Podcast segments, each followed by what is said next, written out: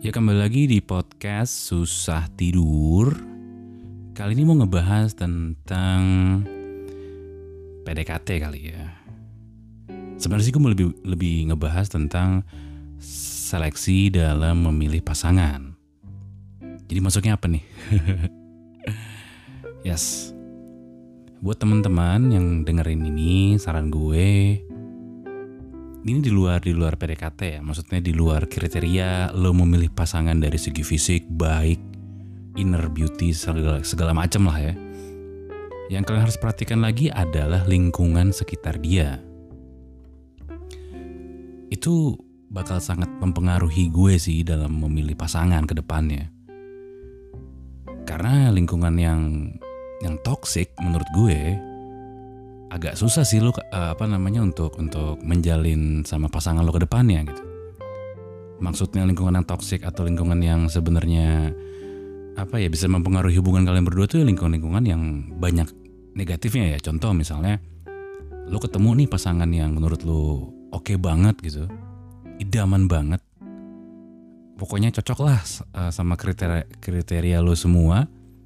Tapi saat lo lihat lingkungannya, teman-temannya, tempat dia bernaung, bermain segala macam, itu banyak negatifnya, lo harus pikir 2 sampai 10 kali lagi deh. Karena gini, mungkin lo lo ya kalau lo cocok sama lingkungannya ya, ya sudahlah. Min ketemu min kan jadinya plus. plus minnya maksud gue. Tapi saat lo mungkin gak cocok sama lingkungannya dan lingkungannya kemungkinan terbesar akan juga apa ya bisa dibilang gak suka sama lo lah karena kan berbeda nih ya. Mendingan saran gue jangan diterusin. Sekuat-kuatnya lu bisa ngerubah ngerubah sifat, ngerubah attitude atau ngerubah apa pun di pasangan lo. Selama dia masih dekat sama lingkungan itu, lo akan susah sih. Karena pengaruh lingkungan itu sangat gede banget. Apalagi kan, let's say lo baru pacaran 2 bulan, 3 bulan, 4 bulan, 6 bulan tuh masih hangat-hangatnya gitu ya tapi yang namanya lingkungan-lingkungan yang toksik ini ya selalu ada celah sih. Misalnya saat lo berantem, saat lo ada jeda untuk nggak komunikasi, mereka bisa masuk lagi tuh. Ya yang namanya setan kan ya. selalu mengajak ke dalam itu ya, ke dalam yang nggak bener lah ya bisa dibilang. Jadi gue nggak bilang semuanya ya, cuma balik lagi ya.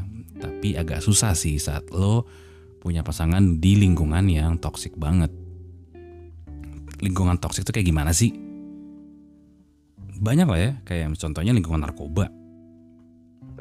Lingkungan apa misalnya, mention yang lu gak suka deh. Karena untuk ngerubah orang itu, selain lo harus jagain terus setiap hari ya, kalau atau lo harus jauhin dari lingkungannya tapi kalau lo jauhin paksa kan kesannya kayak gimana gitu kan. Lo mau konfront dengan yang apa namanya dengan kekerasan juga susah gitu karena kan susah ada buktinya juga enggak. Ya pokoknya samar-samar lah kalau lingkungan kayak gitu kan. Dalam arti samar-samar tuh gini misalnya ya oke dia secara nggak langsung mungkin nggak mengajak ke hal negatif yang dulu-dulu lah. Tapi namanya orang-orang di lingkungan negatif ya dari mulut dari mindset dia akan ngasih terus ke pasangan lo itu gitu loh. Maksudnya gini, ya namanya orang-orang negatif ya, pasti akan memberikan pengaruh-pengaruh negatif juga gitu dari mindset, dari saran, semuanya negatif pokoknya lah. itu sih konsentrasi gue sih untuk memilih pasangan ke depannya yang gue seleksi selain ya innernya ya cocok sama gue atau enggak ya kan gue akan tanya lu lingkungan lu kenal sama siapa aja? Oh kenal sama ini juga. Oh kenal sama ini juga. Beda loh. Intonasi nadanya beda kan? Ya karena lingkungan itu yang membentuk mindset ya. Sama kayak waktu kita mungkin bahas anak kecil gitu anak sekolah lingkungan itu terbentuk dari lingkungan rumah kah atau lingkungan tempat dia main gitu. Karena ya balik lagi ya untuk untuk selama selama apa namanya selama lo mau ngerubah sifat jelek pasangan lo selama dia masih ada di lingkungan yang salah susah sih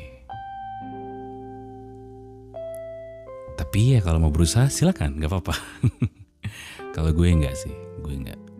Nggak mau lagi maksudnya. Ya karena kan balik lagi ya. Lingkungan itu bisa dari teman, bisa dari orang terdekat, keluarga segala macem. Dan kalian berbeda mindset gitu ya. Satu yang negatif, kalian yang misalnya yang positifnya gitu. Gue nggak bilang salah benar ya, negatif dan positif ya. Karena yang orang yang terbiasa melakukan salah setiap harinya, setiap jamnya ya akan menjadi pembenaran sih menurut gue. Ya kayak lo ngeliat orang narkoba kan bagi mereka dia nggak salah. Bagi mereka benar, selalu ada pembenaran di atas kasus tersebut. ya seperti itu ya. Bukannya menjudge baik dan tidak baik, tapi pengaruh lingkungan itu sangat-sangat lumayan uh, mempengaruhi mindset dari orang-orang yang lo sayang. Ya, kata gue Ardian, sampai ketemu lagi di podcast berikutnya.